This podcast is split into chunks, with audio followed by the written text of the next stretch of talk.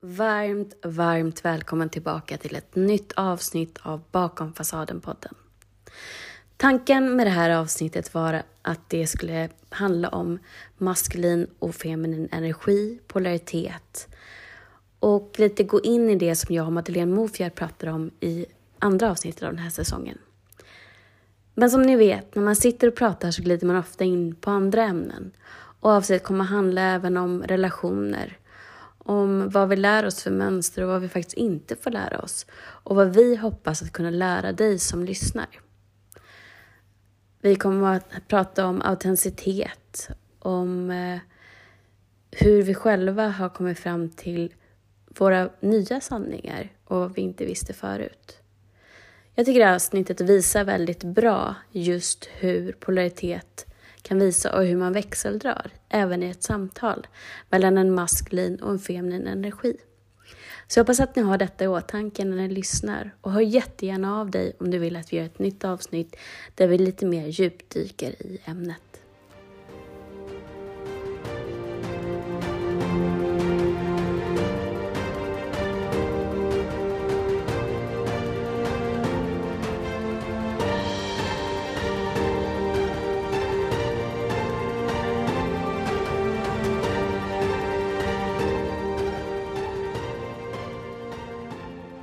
Har jag bjudit in min Mattias. Välkommen!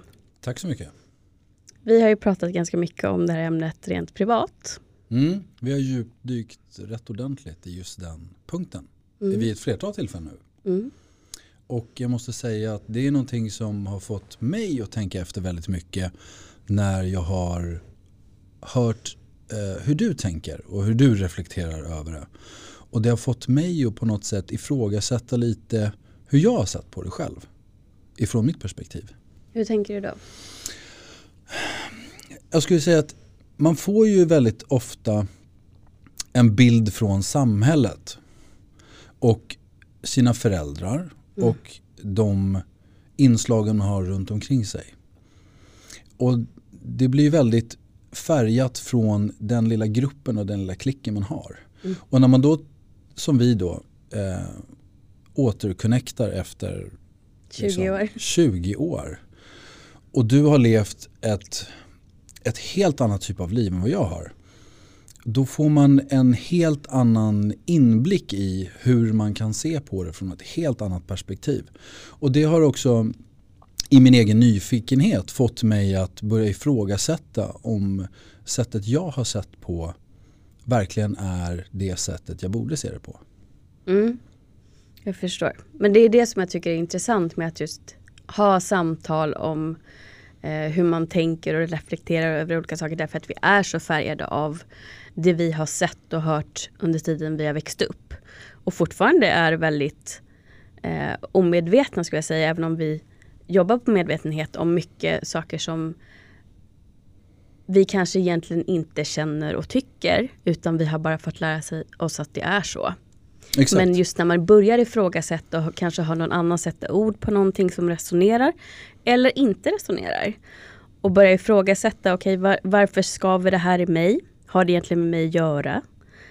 Um, eller är, är det någonting som då jag behöver jobba på? För det, det är ju väldigt intressant just om det är någonting som triggar igång en att man kan faktiskt välja att se på det som att det här är någonting som skapar en reaktion i mig. Det är förmodligen någonting där som jag behöver titta på och kanske läka. Mm. Men det kan också å andra sidan vara någonting som resonerar och då på så sätt öppnar upp en ny vinkel, en, ett nytt perspektiv Mm. på någonting som man känner att men det är faktiskt så här jag känner, det här känns jättebra. Och kunna också få kunna bygga vidare på det. Båda saker tycker jag är utvecklande och väldigt nödvändigt. Ja, och sen kan det också även förstärka de sakerna som man då tidigare har tänkt, är det verkligen rätt i hur jag tänker här?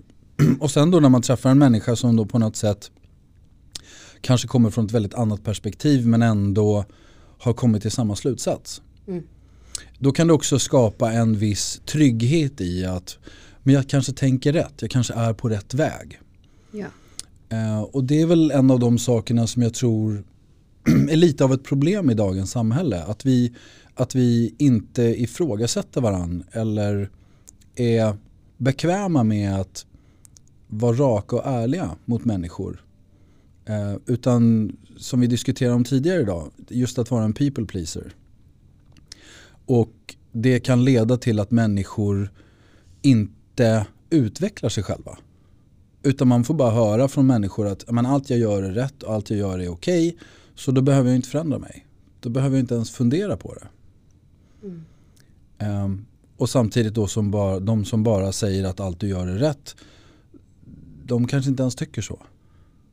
Nej och sen så tänker jag så att min föreställning och mina uppfattning av människor som lever så och hur jag själv har eh, känt när jag har gått in i skyddsmekanism people pleasing är att det har skapat ett skav inuti mig därför att jag har egentligen inte stått upp för vad jag tycker och tänker.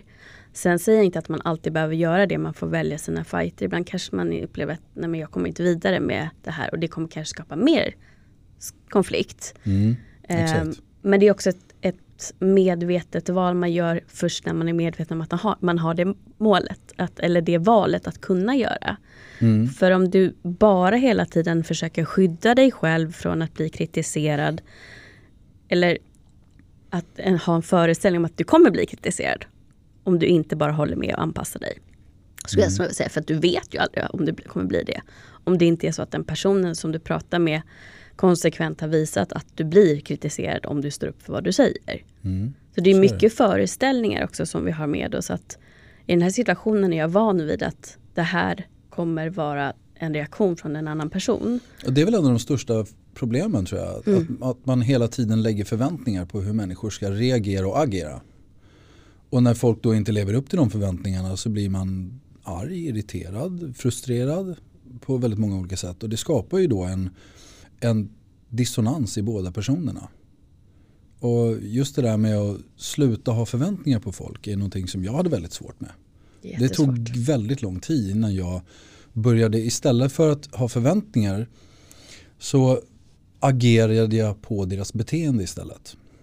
Så jag istället då enkelt sagt, om jag ville träffa en kompis så frågade om han ville ses. Och sen då istället för att liksom så här, jo men han borde ju vilja träffa mig för vi har inte setts på ett tag. Och skapa en massa förväntningar i mig själv. Så väntade jag på vad svaret blev. Mm. Och sen när jag fick svaret, då var det så här, okej okay, men då utgår jag från hur agerade han? Och vad var svaret? Och så blev jag då istället glad eller mindre glad beroende på vad svaret var. Mm. Fast där tänker jag att där utgår det också från vad som händer i dig mm. utifrån den personens svar. Exakt. Eh, jag tänker att det också är viktigt att inte utgå från att det har med en själv att göra. För det har väldigt sällan med en själv att göra. Nej, men jag menar snarare att man kan bli glad för att man får chansen att träffa personer man tycker om. Mm. Eller så kan man bli mindre glad för att man inte får chansen att träffa den personen man tycker om. Man lägger ingen okay. värdering i att den här personen inte vill träffa mig för att det är jag. Mm. Utan det kan vara helt enkelt att de inte har tid. Mm.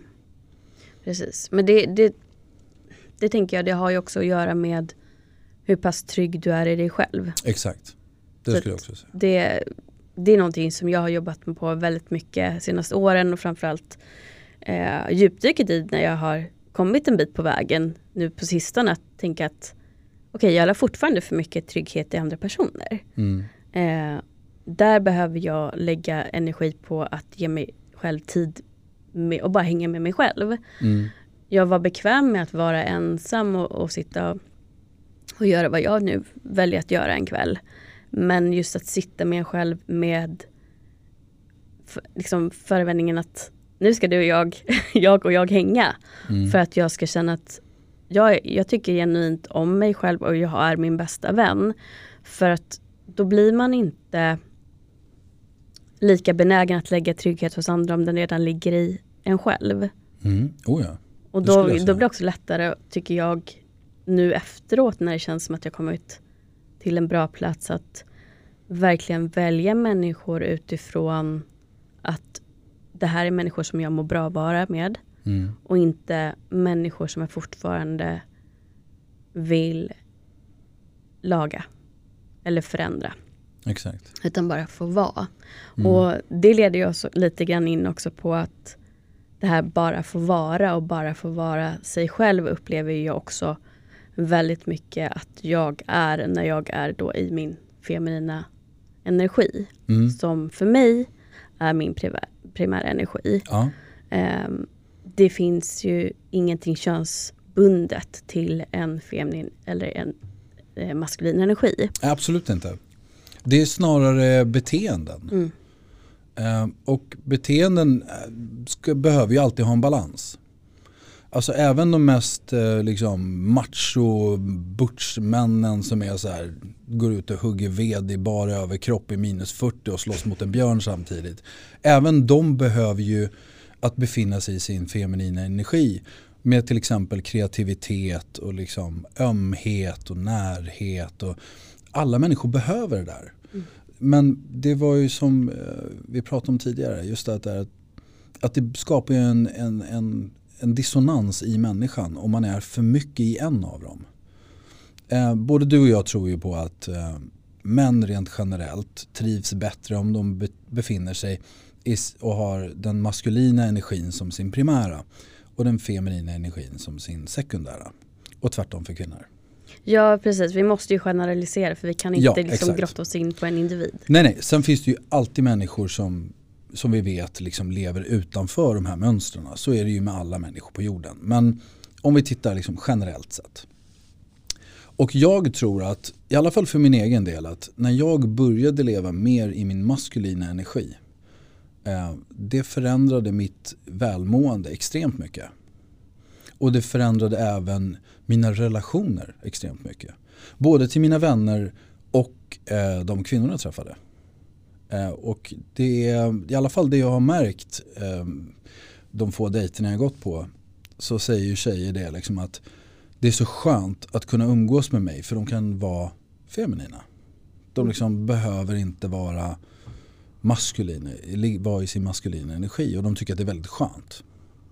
Mm. För att i dagens samhälle som jag varit inne på i tidigare poddavsnitt också är det ju väldigt ofta så att vi kvinnor om vi då har en feminin eh, primär energi eh, som vi utgår från det här avsnittet eh, tvingas in i det maskulina när vi är på jobbet till exempel. Att vi ska vara drivande, eh, analyserande, styrande. Mm, Särskilt om man, ja, om man har en ledande roll. Särskilt. Exakt. Och det blir väldigt svårt då att helt plötsligt skifta tillbaka till en feminin energi som är mer eh, att vi kan ta emot, vi kan vara eh, kreativa, vi kan vara i flow. Eh, om man kommer hem till en man som är i sitt feminina. Mm. För det, det tror jag definitivt. Just det här att om en person som du möter är i en viss energi då kommer du försöka att vara motparten Mm. på något sätt. För det är polaritet som vi pratar om. Exakt, och polaritet är det som behövs. Mm. För att vi kompletterar varann. Det finns inget, ehm, liksom, det, finns det är inte så att maskulin energi är bättre än kvinnlig en- feminin energi eller tvärtom. Utan det ena kan inte leva utan det andra. Det är mer yin och yang. Mm. Eh, och det, det sköna där är, det är ju att just den här polariteten och just att vi är i vår egen energi skapar ju ett välbehag för den andra personen. Mm. För man känner att man kan slappna av, luta sig tillbaka och bara få vara sig själv en stund. Exakt. Och det skapar ju dels avslappning på så sätt. Mm. Men också den här ehm, fantastiska kemin som vi ändå pratar om i sunda relationer. För att jag har ju ofta pratat om en kemi som kanske är mer toxisk i tidigare avsnitt där vi varit inne på destruktiva relationer. Men det finns ju faktiskt en passion och en, en sund kemi eh, just när det är två olika poler som möts. Jag kommer ihåg första gången vi träffades Mm. ehm, så tog jag upp ett, ett exempel som du log ganska mycket över.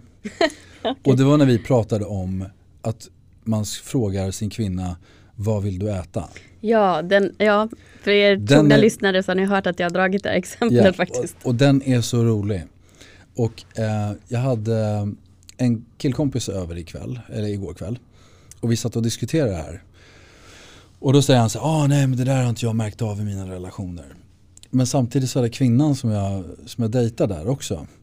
Och hon liksom sa ju till 100% bara, jo men det där, alltså jag vill inte ha 7, 8, 9, 10 olika val. Jag vill ha två eller tre val. Om du ger mig två eller tre val, det är perfekt. För då får jag, jag får med och bestämma, men det är fortfarande du som leder. Mm. Och då blir det verkligen det här den feminina och maskulina energin. Och det liksom, hon tyckte det var helt fantastiskt. Och det var ju som när vi pratade och du säger det. Liksom, Nej men herregud, jag vill inte överhuvudtaget. Det är bättre om männen bara bestämmer vad vi ska äta. För det, det funkar ja. för mig i alla fall. För att jag tänk, och det förutsatt då att tänka att min man då, min fiktiva man i det här mm. exemplet, känner mig så pass väl att han vet hur jag fungerar, han vet vad jag tycker om. Han vet också att jag är jättetrött när jag kommer hem från jobbet och inte kanske orkar sitta och tänka på okej okay, vad ska vi äta nu? Och då leder han så att jag kan slappna av. Mm. Det är egentligen det som händer. Det handlar inte om att jag blir styrd som jag tror är en vanlig missuppfattning just i det här. Jag blir styrd men det är inte på det i den, eh, vad ska man säga, den definitionen att det är någon som styr mig över mitt huvud. Exakt, för det är en väldigt stor skillnad på att eh, leda och bestämma. Mm. Måste jag säga. Ja, det, det, är lite grann som när man talar om olika typer av ledarskap hos chefer. Att mm -hmm. det, blir väldigt olika där. Um, och man märker ju ofta, uh, upplever jag när vi pratar om relationer, mm. um, i synnerhet de som har levt tillsammans länge, man bor ihop, man kanske har barn, uh, att kvinnan tvingas in i en projektledarroll när hon ska rodda med mm. allt det ska vetas vilka dagar som barnen ska iväg på aktiviteter, vilka dagar har gympa och ska med sig gympapåse, friluftsdagar, allting. Exakt. Eh, vilket blir att hon går in i en maskulin energi. Mm, och då blir mannen passiv. Ja. Då blir det så här, ja, men jag behövs inte. Mm. För att någonting som jag har märkt rent generellt bland i alla fall mina manliga vänner, det är att alla säger samma sak. De vill vara behövda. Ja. Eh, de vill känna att hon behöver mig. Och när man tar bort eh, den ledande rollen från mannen då känns inte han att han behövs. Och då blir han passiv och inaktiv. Mm. Väldigt ofta. Och jag tror att ett av de bra exemplen om vi ska gå tillbaka till det här med jobbet. Skillnaden mellan bestämma och leda det är att om du bestämmer då tar du, då tar du ifrån människor rättigheter och skyldigheter. Men om du leder då ger du dem ansvar och litar på deras kompetens. Mm. Som ett bra exempel då, om min chef ger mig en arbetsuppgift så säger de hej, eh, gör den här, liksom, vi har ett projekt, kan du driva det? Men en chef som ska bestämma, de kommer då att säga så här, ja det här är projektet, jag vill att du lägger upp projektplanen på det här sättet, jag vill att det här är deadline, jag vill att du gör så här, jag vill att du sköter så och sen så går de in och micromanager dig hela vägen igenom. Då, då känner man ju så här, men du litar ju inte på mig. Så varför ger du mig ens uppgiften? Mm. Då kan du väl göra det själv. Mm. Och det blir lite samma sak liksom när det kommer till relationer. När vi pratar om en kontrollerande man så är det väldigt ofta en man som säger så här. Ja, ah, skär gurkan. Ah, nej, du ska skära på det sättet. Ah, men du måste hålla kniven så här. Och du måste göra så här. Och du måste göra så här. Och du minutiöst liksom styr allting du gör. Medan en man som faktiskt litar på dig och som bara leder dig. Han säger så här, du ikväll ska vi käka tacos här är grönsakerna, skär upp dem. Och så får du göra precis som du vill. Men han arbetsfördelar. Liksom, mm. Du gör grönsakerna, jag fixar köttet. Eller tvärtom, det spelar ingen roll. Helt så. Men då har du ju lätt, då leder du ju någonting. Men du försöker inte liksom poängtera. Och sen då om kvinnan kommer så här och vill ha lite validering och så här. Ja ah, men blir det här bra? Och då måste man självklart ge positiv feedback. Så, ja men det där blir toppen, perfekt, jättebra gjort. Mm. Och då känner man sig duktig helt enkelt. Ja, och jag tror många som lyssnar kanske tänker så här men vadå, hon, det låter som att hon är liksom ett litet mähä. Men om vi går tillbaka, tillbaka till oss själva. Det är ju så här det ser ut. Vi, oh ja, det, men jag är likadan. Det, det handlar inte, jag tror att mycket med den här debatten som också har blivit, eftersom det här lyfts upp mer och mer, är ju att vi utgår från att hela tiden vara någon slags i försvarsläge. Mm. Fast vi tittar inte egentligen på vad det är som sägs och egentligen hur vi själva lever. För det är ju så här, skulle jag stå med någon eh, en man som säger ja, men, kan du skära upp grönsakerna när vi ska göra tacos så steker jag eh, köttfärsen. Jag hade ju inte känt mig liksom du är inte kompetent till att göra någonting annat. Eller, jag hade inte ens, den tanken hade inte slagit mig. Det handlar mer bara om att vi fördelar uppgifterna. Exakt, Och vi sen- hjälps åt. Ja, och sen Vi gör det så tillsammans. kan jag vara i mitt kreativa genom att jag skär upp så som jag vill. Exakt. Och sen, jag tror att många kvinnor kan känna igen sig i den. För att när en man gör någonting hemma så kommer han ofta så här, titta jag har varit duktig. Och man vill gärna höra det. Och det är just den här att vara behövd. Just att känna liksom att, ah, du, jag, jag gick och fixade tvätten. Och då blir hon så här, men vill du ha ett pris? Liksom, jag gör det varje dag. Och det är så här, ja men vi vill bara höra att vi är behövda och att det vi gjorde, det vi gjorde var bra. Och jag tror att alla människor behöver den typen av bekräftelse. Då och då. Och det är därför liksom sociala medier har blivit så populärt. Där får vi liksom ögonblicklig bekräftelse på en gång i allt vi gör. Vilket skapar ett väldigt konstigt dopaminberoende. Och sen när vi då inte får det i relationen då blir det så här, ja men jag känner mig inte validerad. Och då kan det väl vara så, ja, men gör, ge lite validering då, lite då och då i relationen. Kommentera så här, du, du tack så jättemycket för det där du gjorde. Liksom, det tar så kort tid egentligen. Och bara ge den lilla omtanken till den personen man är med. Ja, och sen tänker jag också att det har visat sig i relationsforskning att precis som man lär ett barn eller ett husdjur med positive reinforcement att förstärka ett, ett beteende genom beröm. Så, nu menar- det låter som jag tänker att ni män är hundar men på sätt och vis så är det ju faktiskt samma sak. Att om jag säger så här, tack så jättemycket för att du eh, fixade det här. Ja. Nu, jag behövde verkligen koncentrera mig på det här eller göra det här idag. Och visa verkligen uppskattning desto mer troligt är ju att han gör det igen av egen fri vilja. För Exakt. att han ser att maskineri, maskineriet funkar bättre i, vår, i vårt hushåll. Om jag tar den här uppgiften. Vill du ha en glad, positiv och bra relation då ska du aldrig skälla på din partner när de gör fel. Du ska berömma dem när, de gör- när de gör bra saker. Då får du en bra relation. För att de beteendena som då är dåliga, självklart ska man då, om det är någonting riktigt dåligt så måste man ju säga det. Jag uppskattar inte när du gör så här men du ska, det ska räcka med en gång. Du ska inte behöva säga det varenda gång. Och det är därför det blir så jobbigt när man känner att man har en partner som tjatar. Så, ah, det är nu sjunde gången jag säger åt dig att fixa det här. Liksom, man bara, men du, jag, jag, har hört, jag hörde det första gången. Jag gör det när jag känner för det. Jag gör det när jag vill. När jag tar hand om det. Liksom. Och har man respekt för sin partner gör man det på en gång. Men har man skapat en dissonans i relationen där saker och ting inte riktigt funkar. Då är det så här, jag gör det när jag känner för det. Och jag tror, finns det genuin omtanke, då tar man det på en gång. Det, det är så jag funkar i alla fall i relationer. Och jag tror att det, det är så många av mina vänner funkar i sina relationer. För då säger ja men jag fixar det. För att partnern brukar inte liksom, om de tar upp någonting så tar de upp saker som faktiskt betyder någonting. Man behöver liksom, som du sa, man tar, väljer sina strider. Man liksom gnäller inte på allt. Man pratar inte om allt, man tar inte upp allt. Utan man tar upp det som är viktigt i relationen. Eh, Men idag så pratar vi för lite i relationer med varandra.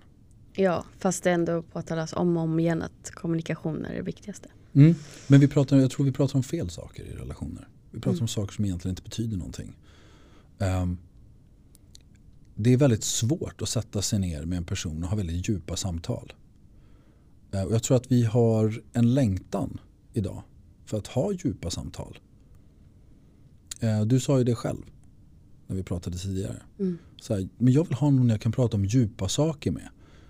Och jag tror att anledningen till att vi inte gör det så ofta det är för att det är lite obekvämt. För då måste vi liksom helt plötsligt berätta vad vi står för. Det blir väldigt svårt att vara en people pleaser om du ska berätta exakt var du står någonstans. För då kan det ju skava hos den andra personen. Och då måste man ju ändå vara ärlig mot sig själv och de runt omkring sig. Och det är inte så jäkla lätt jämt. Nej, men jag tror att det, det, där behöver man skifta perspektiv och se att ja, det kan skava den andra personen och sen kanske den personen också väljer att säga vad det är som skaver och hur den upplever det jag säger. Mm. Så att man kan ha ett konstruktivt samtal och faktiskt, som jag kallade det för, att jag och en tjejkompis hade ett utvecklingssamtal när hon tog upp någonting mm. som hon behövde ta upp med mig. Mm. Eh, och jag kan säga vad det var för att det är någonting jag har gjort konsekvent i många, många år. Att jag gärna, som egentligen är en lite maskulin egenskap, vill komma med lösningar när någon presenterar ett problem.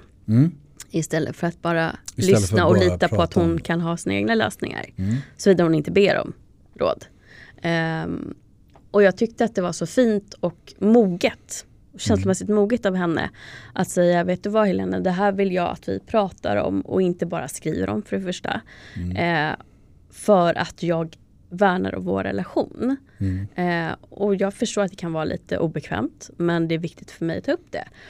Och att jag då väljer såklart, eh, såklart säga, för att det är såklart för mig när det är en relation som jag värnar om, att också vara öppen för att höra att någonting jag gör inte fungerar för henne. Mm.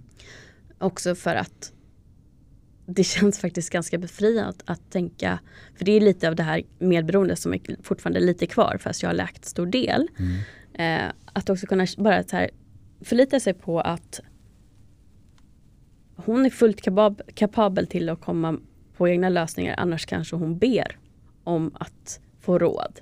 Ja.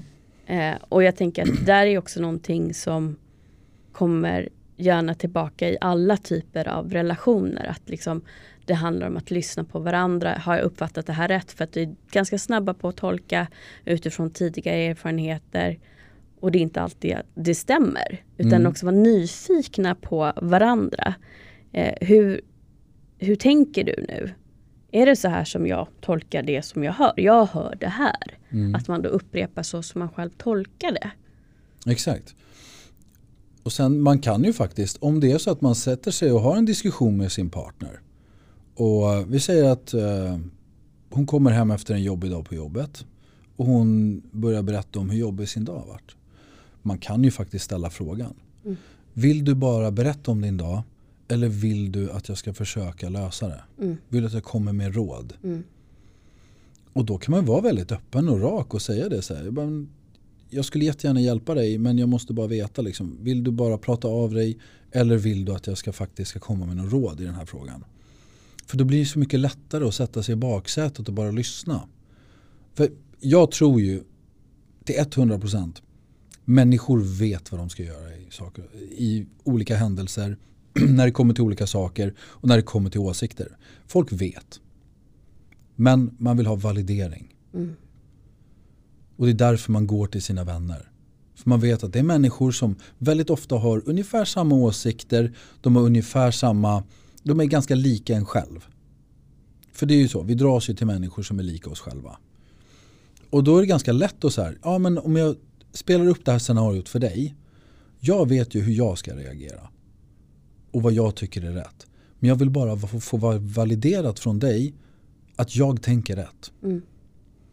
Och det är därför jag har ju väldigt olika vänner. Och lite då och då så går jag till de vännerna som är som mest olik mig själv. Just för att jag vill få en annan synpunkt och en annan vinkel från det. Som jag kanske inte ens överhuvudtaget har tänkt på. Så att de gångerna vill jag ju ha ett råd. Men om jag bara vill ha en validering då går jag till de människorna som är mest lik mig själv. Mm. För då vet jag ju vad svaret blir. Mm. Så att det där är ju väldigt olika. Mm. Tror jag också.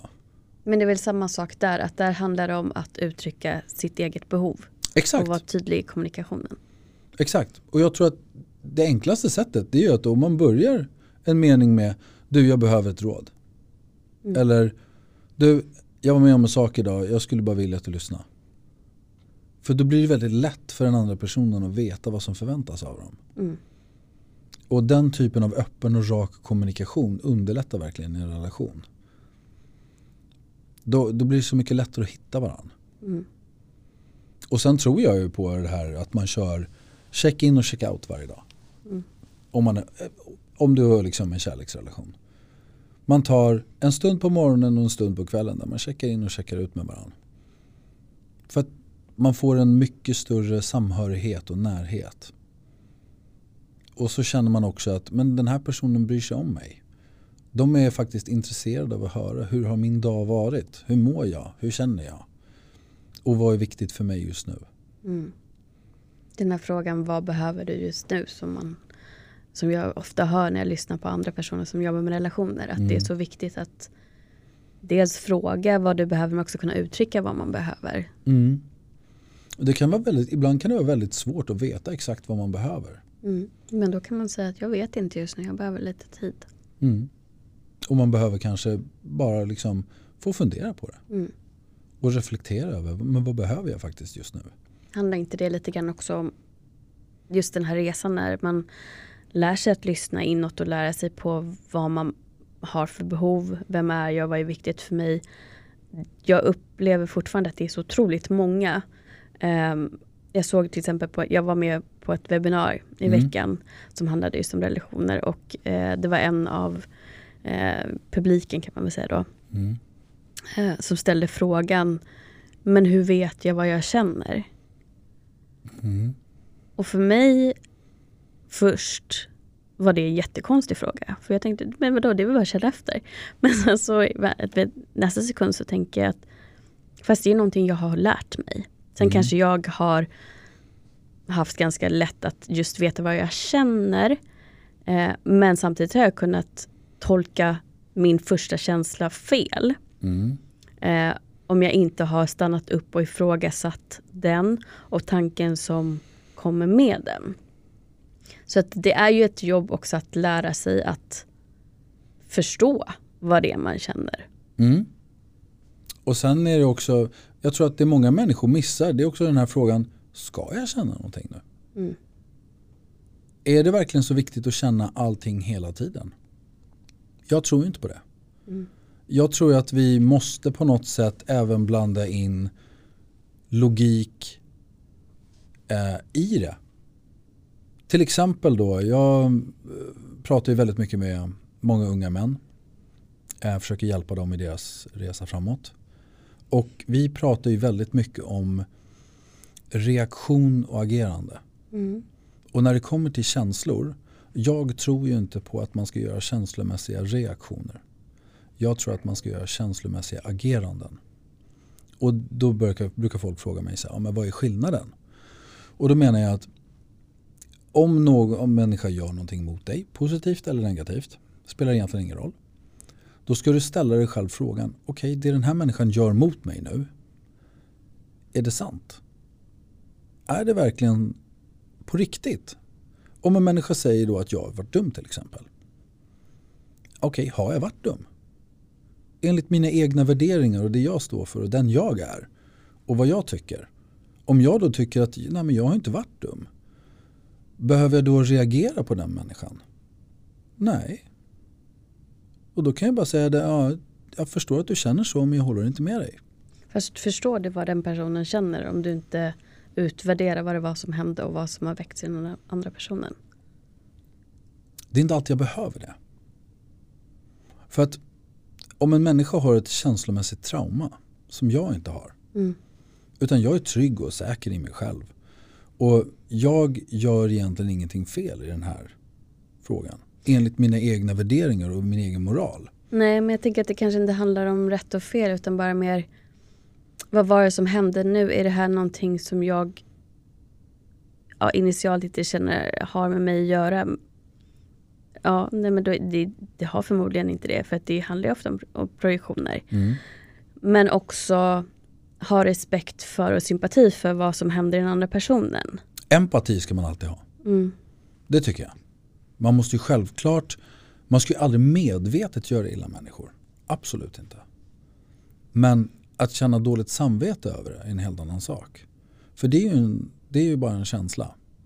Så att om en människa säger till mig att jag har varit dum då behöver jag liksom inte säga, jag kan säga ja, jag, jag, förstår att du känner så och jag är ledsen om jag gjorde illa dig. Men samtidigt behöver inte jag ha dåligt samvete för det. Och det är det som är känslan. Mm. Så att då agerar man, istället för att då bli arg till exempel. Eller känna sig påhoppad. Och bara reagera med att, ja men vadå, jag är inte alls dum. Vad, vad snackar du om? Så kan man agera. och säga liksom, ah, okej okay, jag förstår att du känner så. Ja, det var absolut inte min mening att göra det illa. Men jag ska tänka på det till nästa gång. Mm. Och då är du både empatisk, du är lugn, du är samlad. Och du agerar på känslan istället för att reagera på den. Mm.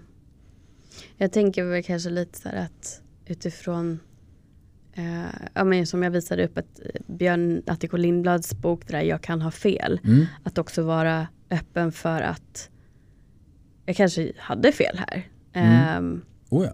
Men samtidigt vara trygg i att det var inte min intention. Ja. Att eh, göra det illa utan det, min intention såg ut så här. Mm. Eh, det landade inte så som Nej. jag hade tänkt den här gången. Att man fortsätter konversationen tänker jag nog. Ja, att man liksom oh ja. inte bara eh, stannar utan liksom är nyfiken på vad händer med dig nu och vad, att man kanske verbaliserar vad intentionen var. Mm. Eftersom den andra personen har tolkat den så annorlunda än vad intentionen var. Det där är så svårt för det, det beror ju väldigt på vilken typ av situation man befinner sig ja, i och vem. Absolut. Men nu tänker jag när, närmare relationer. Mm. Ja, men står du väldigt nära någon och du verkligen bryr dig verkligen om den personen då vill du veta varför. Men det kan ju också vara väldigt svårt för den personen mm. att veta varför. Och då kan det också bli att man på något sätt placerar skuld på varför vet du inte det? Varför har du inte rätt ut det här? Varför? Om man då liksom trycker på någonting som kanske är en öm punkt. Mm. Man kanske då kan säga att men, eh, skulle vi kunna prata vidare om det här om en dag eller två? Mm. Eh, om det, man till exempel är då i en kärleksrelation tänker jag. Ja. Eh, så att man ändå inte lämnar att det skaver.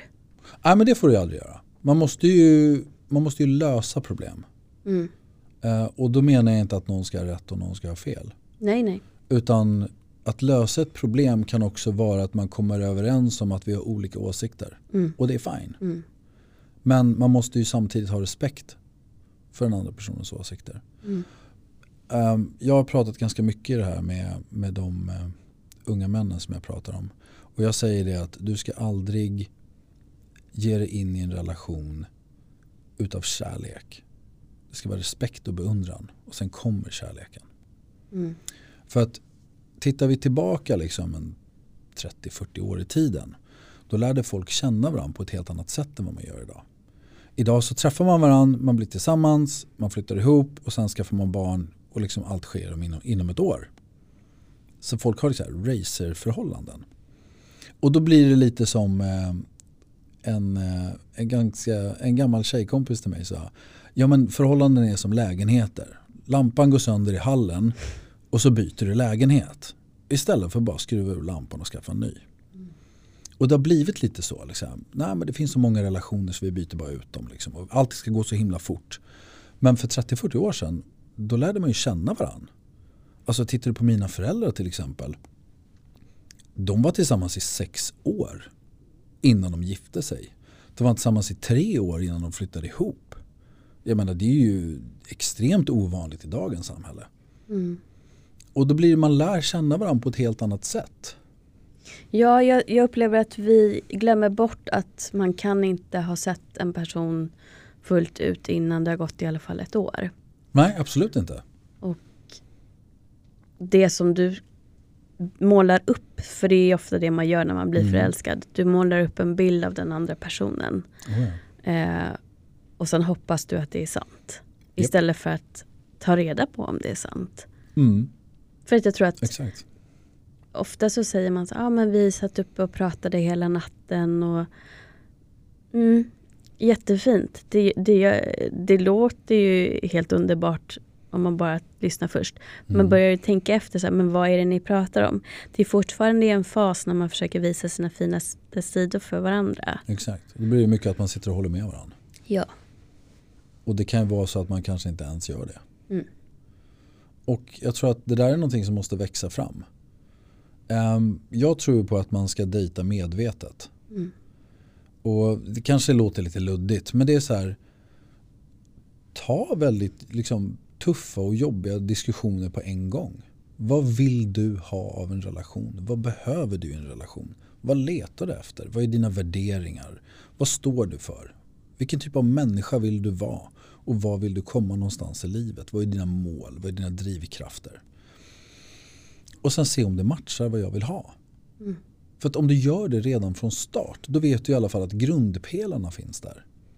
Samtidigt som att du märker väldigt fort om det här är en person som inte lever upp till det som du behöver. Exakt. Det kan vara en jättebra person ändå men det är inte mm. din person. Exakt. Istället för att bara gå och dra ut på tiden och faktiskt slösa bort tiden om man då är ute efter att hamna i en relation som du kan lägga på att lära känna en person som du märker att jo men vi har lika värderingar i det här mm. som är viktigt för mig. Han, passar, han eller hon passar in på det som jag känner att jag inte kan kompromissa med. Mm. Men det är bara steg ett i medveten dating. Ja. Steg två, det är ju när man då börjar dejta den här personen för att man tycker att våra värderingar stämmer överens. Men då ska du ju koppla det hon har sagt med vad hon gör. För att allt det hon har sagt som hon har liksom sagt, det här är mina värderingar, det här är vad jag står för, det här är vad jag tycker. Då måste du se det in action och mm. se att, men stämmer hennes handlingar överens med det hon har sagt? Mm. Och på samma sätt då om det skulle vara en man man träffar. Mm. Jätteviktigt. ja, men om då personen säger så här, ja det absolut viktigaste för mig det är att alltid tala sanning. Och sen märker att den personen konstant när de pratar med sina vänner ljuger. Och det kan ju vara så här små saker som att, nej men jag kan inte träffa dig idag för att jag, jag måste tvätta. Och så sitter du bredvid personen i soffan och bara, men vi ska ju hänga idag. Så varför säger du bara inte att det är du och jag som ska hänga idag? Ah, nej men jag vill inte säga det för då kanske han, han tycker att jag prioriterar dig över honom. Och då blir det så här, men... Om du gör ju det. ja, men om det nu var så viktigt att vara ärlig, varför ljög du? Mm. Och gör du samma sak när du säger till mig att du är upptagen med någonting annat? Förmodligen. Och, och då är det så här, är det då en ärlig människa du umgås med? Nej. Det är det ju inte. För handlingarna måste ju representeras. Liksom, handlingar och ord måste stämma överens. Ja, och där tänker jag också att det är väldigt viktigt för många av oss att eh, den personen, om de säger ja men det här jag fixar det här. Det här mm. Jag löser det här åt oss. Mm. Så att vi måste, vi ska, ta, vi ska köpa en lägenhet tillsammans. Vi måste ha papperna påskrivna och inskickade till banken det här datumet. Mm. Jag har jättemycket att göra den här veckan. Om min partner då säger att jag fixar det. Då ska mm. jag kunna lita på att han gör det. Exakt, exakt. Och där har du ju mycket just det vi pratar om. Genuina och inlärda beteenden. Mm. Och liksom man måste skilja på de inlärda beteendena och, de, och vår genuina personlighet. Det är två helt skilda saker. För att väldigt många människor, vi, vi missar just det här, vad är ett inlärt beteende? Mm. Och vad är inte? Mm. Som till exempel för mig då, jag, jag älskar ju att hjälpa människor. Det är, liksom, det är det bästa jag vet. Och det är ju min personlighet. Det är inte någon som har lärt mig det. Och jag är så mot alla.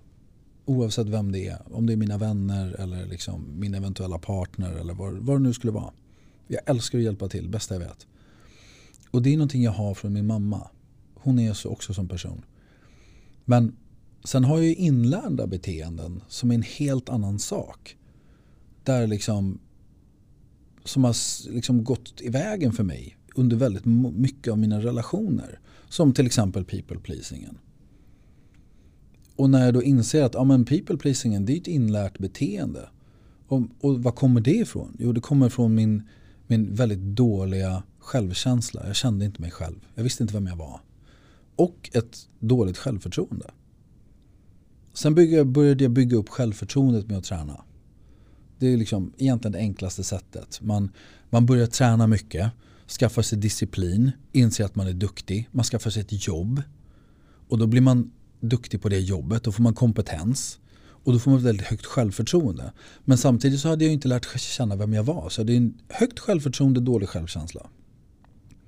Och det var då jag satte mig ner med värdegrundshanteringen. Och verkligen gick igenom, vad är mina värderingar? Vad står jag för? Vem vill jag vara framför allt? Och sen när jag skrev upp, vad är en bra man? Så skrev jag upp alla de här 30 punkterna. Liksom. Och sen så gick jag in på djupet, vad var varje punkt för mig? Och hur ska det visas i mitt beteende? Och sen när jag gjort det, då var jag tvungen att agera därefter. Mm. Och i alla situationer då, det är liksom, jag var inte perfekt från start. Jag gjorde massor med fel under vägen. Och du måste förlåta dig själv för de felen du gör. För att vi är människor, vi gör fel. Ja, och vi kan ju ingenting från början. Exakt. Du måste ju öva. Ja. Det är, så, det är som med träning. Liksom. Mm. Du kan inte gå ner till gymmet och lyfta perfekt från start. Du måste troligtvis an, anlita en PT. Och det är samma sak i det mentala. Du anlitar en person som kan ge dig verktygen för att låsa upp de här mentala förmågorna som du faktiskt har. Mm. För jag tror ju genuint att alla människor kan om de vill. Ja, jag delar den uppfattningen. Alla människor har en otrolig potential inom sig. Och jag har sett det både från människor som har haft drogberoenden, människor som har varit på sin absoluta kant. Men jag tror ju också på, precis som eh, eh Anthony Robbins säger, du kommer inte att förändras förrän smärtan av att fortsätta är högre än smärtan av att förändras. Mm. För att förändra dig är obekvämt som 17. Det är skitjobbigt, det är inte kul. Det är liksom, du ska ju bryta invanda beteende, du kommer känna dig otrygg, du kommer känna dig konstig, du kommer kännas fel. Men när du väl har lärt dig att den känslan inte är farlig och du dör inte av den. Och du faktiskt får cred för att du förändrar saker och ting och du mår bättre. Då kommer du vilja förändra det mer. Till slut blir det nästan intuitivt. Mm. Jag har kommit till den punkten att jag kan förändra nästan vad som helst, hur som helst, fort som helst. Och mina vänner tycker att det är jättekonstigt. Just för att så här, jag hade en diskussion med en person och då säger hon till mig så här, ja du är ganska hård Mattias.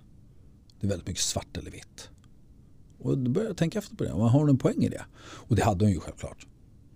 Um, och då sa jag det till henne, så här, men vet du vad, du har helt rätt. Jag borde vara mer mjuk. Jag borde framförallt vara mer nyfiken på andra människor. Och då ändrade jag det på en gång. Och så hade vi en diskussion, jag tror det var tre veckor eller en månad efteråt. Och då sa han till mig så här, men alltså, jag tycker det är lite läskigt. Du har bara förändrats. Nu är du jättenyfiken och jättemjuk. Hur gick det till? Men då har man bara övat på det så mycket. Så att man blir bara bra på det. Ja, och sen framförallt det som du var inne på i början. att ja. eh, när man har övat så länge så har du också lärt om nervsystemet och kroppen om att förändring innebär inte lika med tecken smärta. Exakt. Utan det går att göra för att känna att jag har vunnit någonting. Mm. Och då blir det mer primärt att faktiskt man vill dit för att Exakt. man vet att den här belöningen är väldigt sweet att få. Liksom. Oh ja. Och det Helt är det vi lär oss och varje gång så tänker jag också när man möter obehag och möta rädslor. Jag vet att ni som lyssnar, jag tjatar om det här. Men jag tycker att det är så viktigt mm. att lära om. Att inte gå omkring och leva i överlevnadsmode eller leva i rädsla för att möta det som känns obehagligt, obekant, jobbigt. För att när vi väl lär oss som du har gjort där, mm. att det är en övergående fas med obehag. Mm. Och det är mm. inte farligt att vara känna obehag. Absolut inte. Då kommer vi vara mer benägna att göra det och få liksom nå hela tiden nya höjder. Vi utvecklas hela tiden och vi får mm. så himla härliga belöningar av det. Ja. Och det går ju liksom, ligger ju lite i linje med ett av de viktigaste orden jag tycker för en människa. Det är ansvar. Mm. Du måste ta ansvar för allt i ditt liv. Även saker som inte ens är ditt ansvar. Jag menar, jag hade en uppväxt som inte var den var allt annat än fantastisk. Jag har upplevt väldigt mycket saker som har satt ganska djupa spår i mig. Och då kan man ju tycka så här att okej, okay, men då är de här personerna som har gjort de här sakerna mot dig, det är ju egentligen deras ansvar att reda upp det. Men det är inte det. Utan det är mitt liv. Mm. Och mitt liv är mitt ansvar. Vem jag är är min uppgift att ta reda på och fixa. För att jag kan inte lägga det. Lägger jag ansvaret på någon annan då har jag ju inte makten över att bestämma. Nej, och samtidigt som att du kan ju aldrig veta om den personen skulle vara öppen för att se vad de har gjort och sitt beteende. Du kan ju bara välja att se vad kan du göra för att läka det här. Mm. Och det är enda ansvaret du kan ta, det är för sig själv. Exakt. Så att absolut, jag kan förstå känslan som jag också har känt ibland att det skulle vara jättehärligt att få en ursäkt till den här personen. Mm.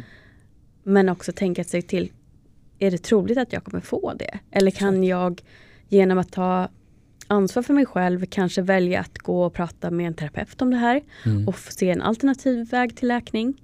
Då tar jag ansvar för att jag ändå får läka det här såret. Mm. Jag tänkte ju väldigt länge att förlåtelse var någonting vekt. Just för att då ursäktar jag det beteendet som har skett. Men jag fick väldigt bra förklarat för mig att ursäkt, eller liksom förlåta en människa gör man inte för deras skull. Man gör det för sin egen skull. Så man ska slippa bära runt på den här stenen. För att alla människor bär runt på en liksom, synonym ryggsäck.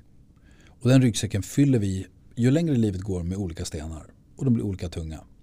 Och självklart är det så att om du liksom slänger in allt för mycket sten då får du svårare att gå framåt och det blir jobbigare och jobbigare. Du måste tömma ryggsäcken ibland.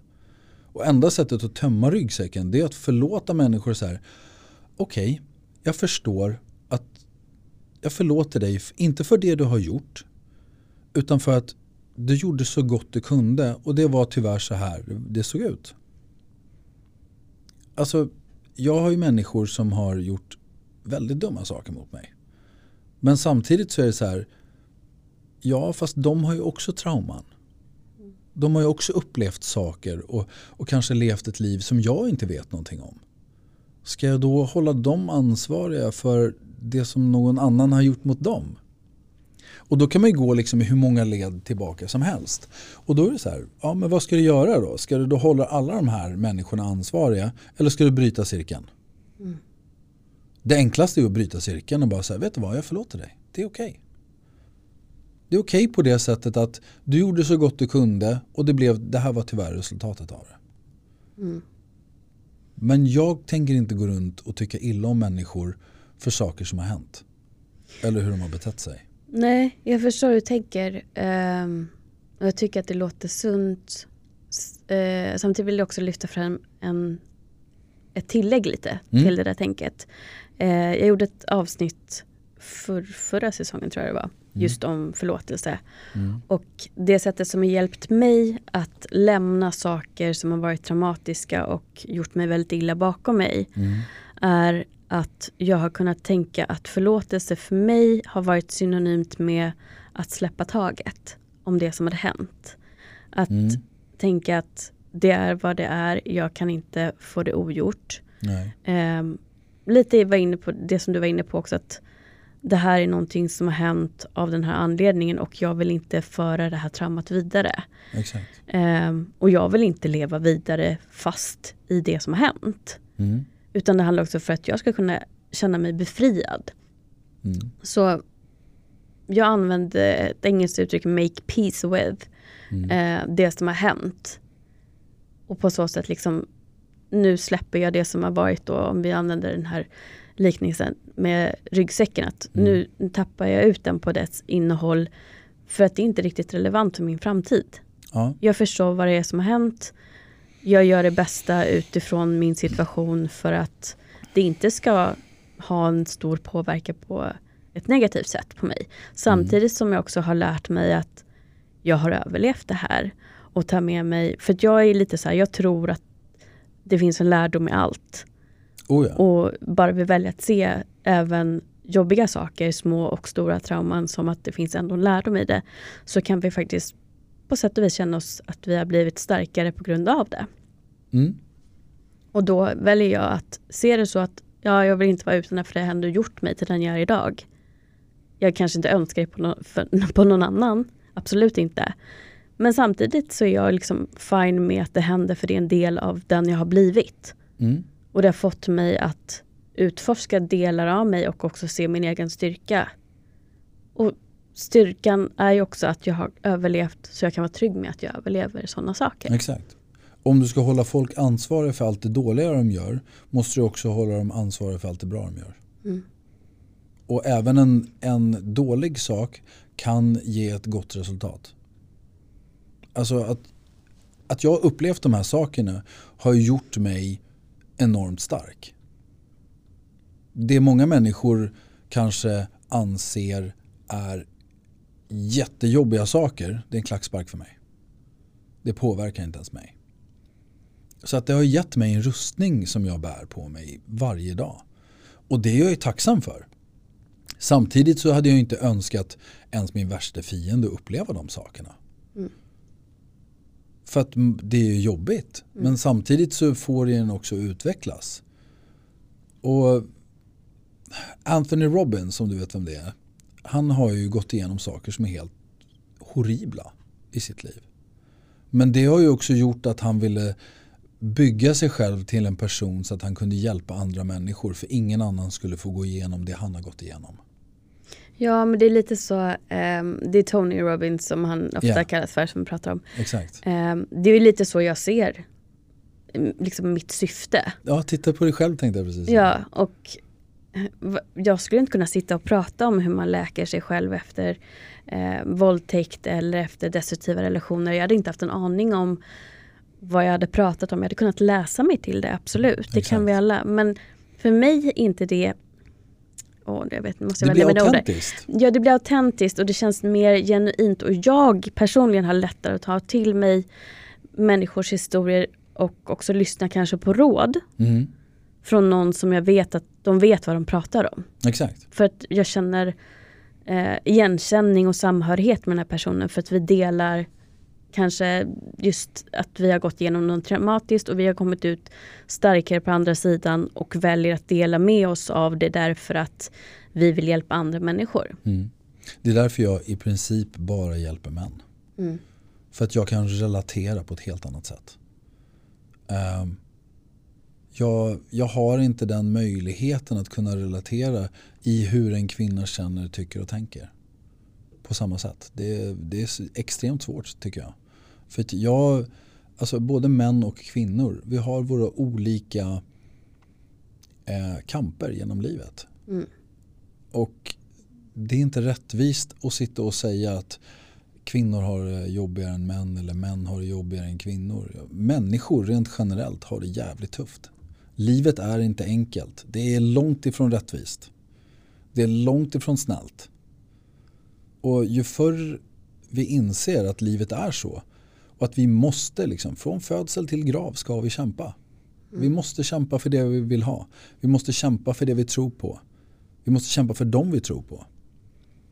Och har vi den inställningen så blir det mycket lättare. Ingenting kommer gratis. Man förtjänar ingenting. Man jobbar för det. Ja, jag tänker också att om man, ha, om man har en, ett perspektiv på att det finns en belöning i allting du kämpar för. Ja.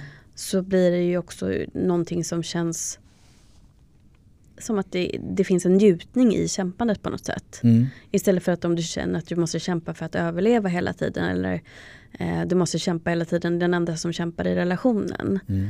Men jag tänker också, vi var ju inne på också det här med att polariteten behövs för att vi ska liksom, ha en sund och bra relation. Ja.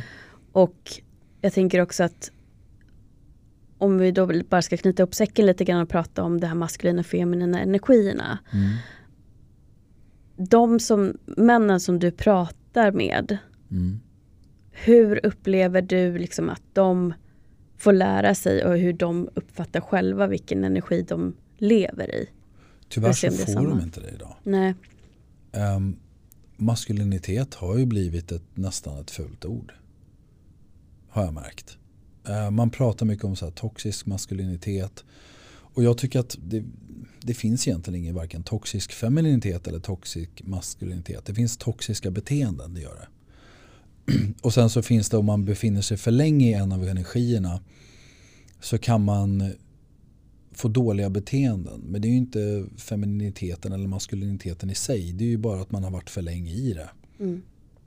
Eh, män idag får inte den hjälpen från andra män.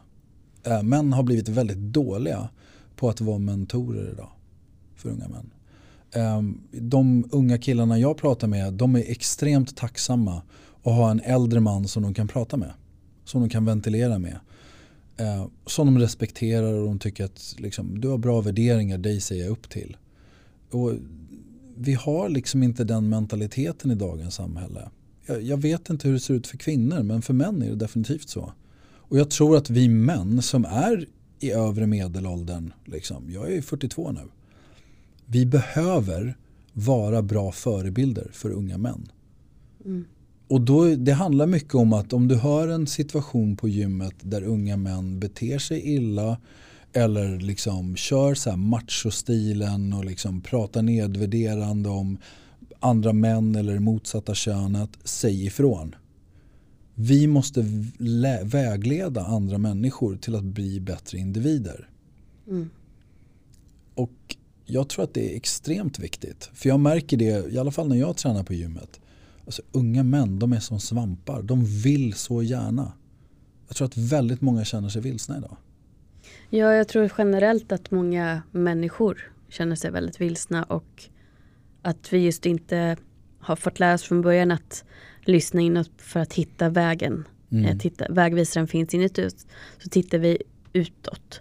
Mm. Och eh, jag såg en film också när det handlade om en person som, eh, han var egentligen mentalist. Mm. Men han sa att han var medium och eh, kunde liksom läsa av människor så pass mycket så han kunde säga saker som fick det att framstå som att han kunde vara kontakt antingen med andevärlden eller bara läsa av dem att han var mm. synsk. Och det fick mig ändå att se den här sensmoralen med att vi är ofta väldigt vilsna medan vår högsta önskan är bara att bli sedda och hörda och förstådda för mm. de vi är. Och då är det så lätt att hamna i klorna på sådana människor oh ja. som kan läsa av väldigt väl. Exakt. För att det känns som att då blir våra behov mötta. Mm. Medan kan vi hitta det här i oss själva och sen uttrycka behoven till de som vi faktiskt har nära som vi är trygga och litar på. Mm. Så hamnar vi mer i autenticitet och hittar liksom vår sanna kärna mm, i oss själva. Och att det, liksom, det är så många som tjänar pengar på vilsna människor. Mm. Och därför är det så viktigt just att det finns eh, människor som kan mer vägleda och finnas där som mentorer. Mm. Så att man kan ställa de viktiga frågorna. Vem är jag och vem vill jag vara? Mm. För de två sakerna behöver inte vara synonyma. Mm. Jag träffar många av de unga männen som jag pratar med. De, de vet ju liksom på något, de har hyfsat bra koll på liksom hur de är just nu. Mm. Men det är inte alls den de vill vara. De vet bara inte hur de ska komma dit. Mm. Och då är det så viktigt att man kan ge dem verktygen för att liksom börja förändra saker och ting. Precis. Många människor idag tror ju att förändring måste ske i liksom stora sjok. Okej, okay, men jag, jag, har målat upp en jättebra bild över hur jag ska vara. Ja, men då är det bara att göra det. Det funkar inte så. Alltså, förändring sker i små steg tar ett steg på 10 cm, om du gör det varje dag i ett år, då kommer du ganska långt. Mm. Så det är bättre att ta små steg som du vet är hanterbara. Börja förändra saker som du, har en, som du vet, det här har jag faktiskt en realistisk möjlighet att förändra. Och när du börjar förändra saker som du vet att du kan förändra, då får du dopamin, du mår bättre och då börjar du ta tag i lite större saker. Och sen lite större saker och lite större saker. Och till slut innan du vet ordet av så förändrar du liksom saker bara per automatik. Mm, för du också successivt har byggt upp en tillit till dig själv. Exakt, till din egen kompetens. Mm. Titta, jag kan. Mm. Jag är inte dålig, jag är bra. För att om du har ett dåligt självförtroende då kan du inte heller förändra saker och ting. För om du, om du tycker att du själv är värdelös vem är du att förändra dig själv då? Mm. Det går ju inte. Nej. Så du måste ju börja i rätt ände. Det är därför jag börjar alltid med mm. de unga killarna med dels värdegrunder. Vem vill du vara? Hur vill du se ut? Hur vill du att folk ska uppfatta dig? Och nummer två, vad tycker du om dig själv? Ah, nej, men jag har ganska dåligt självförtroende. Okej, okay, då börjar vi med saker för att bygga upp det självförtroendet. Och när de har fått självförtroendet och har en bild av sig själva, då kan de börja pussla det. Och enda sättet att bli bättre är att du ställer dig inför situationer där du måste bevisa det för dig själv. Mm. Om du bara sitter i samma trygghetsbubbla och gör samma saker om och om igen, då kan du inte förändras. Nej, och sen tänker jag också att för att kunna leva så autentiskt som möjligt så tidigt som möjligt i mm. livet så måste du också ha både självkänsla och självförtroende. Att oh ja. stå trygg i även om människor dömer dig mm. för den du är. Exakt. Men lite grann tänker jag också att det fina med att leva autentiskt är att vi alla är individer, vi är alla olika och att vi behövs det för att vi kompletterar varandra. Precis som att min grundtanke just med det här feminina, eh, om vi säger att, att kvinnan lever i sin primära feminina essens mm. och mannen i den maskulina i hans primära energi. Mm. Och det skapas polaritet. De olika egenskaperna kompletterar ju varandra. Extremt bra. Ja, och det är likadant i arbetslivet som jag också var inne på ett tidigare avsnitt. att Det behövs både kreativitet och det behövs ett driv. Mm. Det är två polariteter som båda behövs. Eh, och där behöver man gå ihop som ett team. Mm. Och för att oh ja. ha någon som, liksom, att det leder framåt till att man utvecklas. Men att man använder sig både av det feminina och det maskulina energierna i sig själv.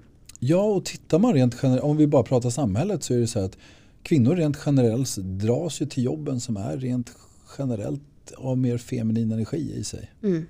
Det är därför HR-avdelningen till 90% är kvinnor. Liksom. Ja, och man bara, om jag bara ska prata om mig själv så jag jobbar på ett litet kontor där vi är väldigt mm. nära allihopa. Och vi kompletterar varandra väldigt bra för att vi är så olika. Mm. Men jag trivs också väldigt bra där därför att jag får vara väldigt, väldigt omhändertagande där. Mm. Och då känner jag att jag är i min naturliga essens. Och jag mår bra av det. Jag mår bra av att vara den som um, Har du ätit lunch idag? Nu har du glömt det igen. Exakt. Eller liksom sådana saker.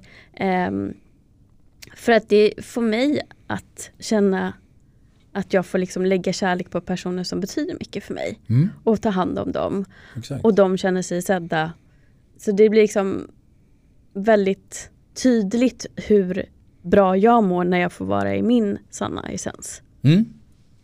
Och jag tror att om, om man ska tipsa någonting till liksom de som lyssnar så är det så här, prova. Mm. Läs om feminin energi och maskulin energi. Och så liksom, vad är de olika exemplen för det och hur kan det ta sig uttryck? Och sen bara testa hur det känns. För att det är, liksom, det är så lätt för oss att sitta här och prata om det och liksom, det låter ju väldigt bra. Men det är först när du själv testar det som du liksom egentligen kan säga är det, funkar det för mig eller funkar det inte för mig. Mm. Och jag tror att jag lyssnar väldigt mycket på så här, kommunikation och jag börjar plugga väldigt mycket olika böcker. Och så Jag läste jättemycket böcker om kommunikation. Och så började jag på en gång jag hade läst en bok så tog jag alla de exemplen och testade i mina egna sociala interaktioner både med vänner, eh, med min partner och liksom med folk runt omkring mig.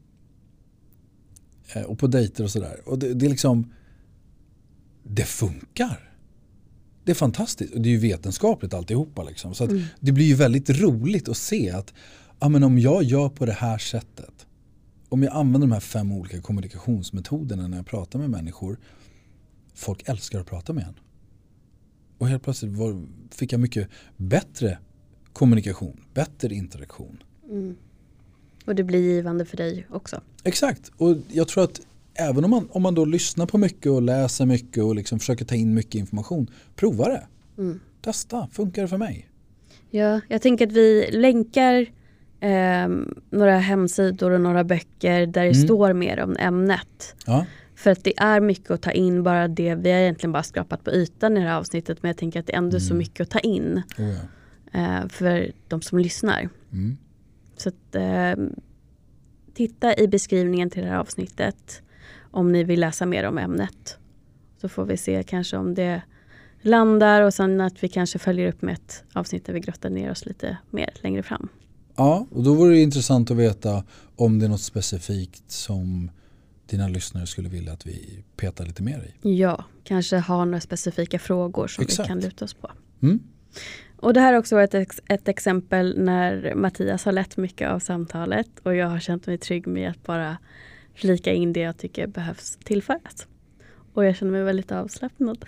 Och jag måste säga att det är ett bra exempel på att du ändå kommer med din kreativitet under samtalets gång. Ja. Och belyser saker som jag inte ens har tänkt på. Så att tack för den. Tack själv. Tack för att du är här idag och eh, hjälper till att visa lite mer, ja rent hörselmässigt, för jag höll på att säga synligt men det är ingen som ser oss. just hur det fungerar i utbytet. Ja, tack så jättemycket själv. Och tack till dig som lyssnar såklart. Eh, lämna jättegärna ett omdöme i den appen du lyssnar på. Och eh, hör jättegärna av er, ni som kanske blir triggade, ni som blir nyfikna. Eh, vad det än väcker för reaktion hos er så vore det jättekul att höra. Och eh, Instagram är ju lättast att få tag på oss. Du har en Instagram, matt.skyman. Stämmer. Som jag också kan länka till. Där är det dock mest träning. Ja. Att, eh, jag pratar inte så jättemycket om eh, den mentala resan där. Men jag funderar på om jag ska skaffa ett konto där jag faktiskt kan prata mer om sånt. Det tycker jag du ska göra, absolut. Det har mycket att ge. Tack så mycket. Och mig når ni som vanligt på Bakom fasaden-podden. Och är det så att ni vill stötta det arbete som vi gör så finns jag också på Patreon, www.patreon.com bakomfasadenpodden. Tills vi hörs igen, ta hand om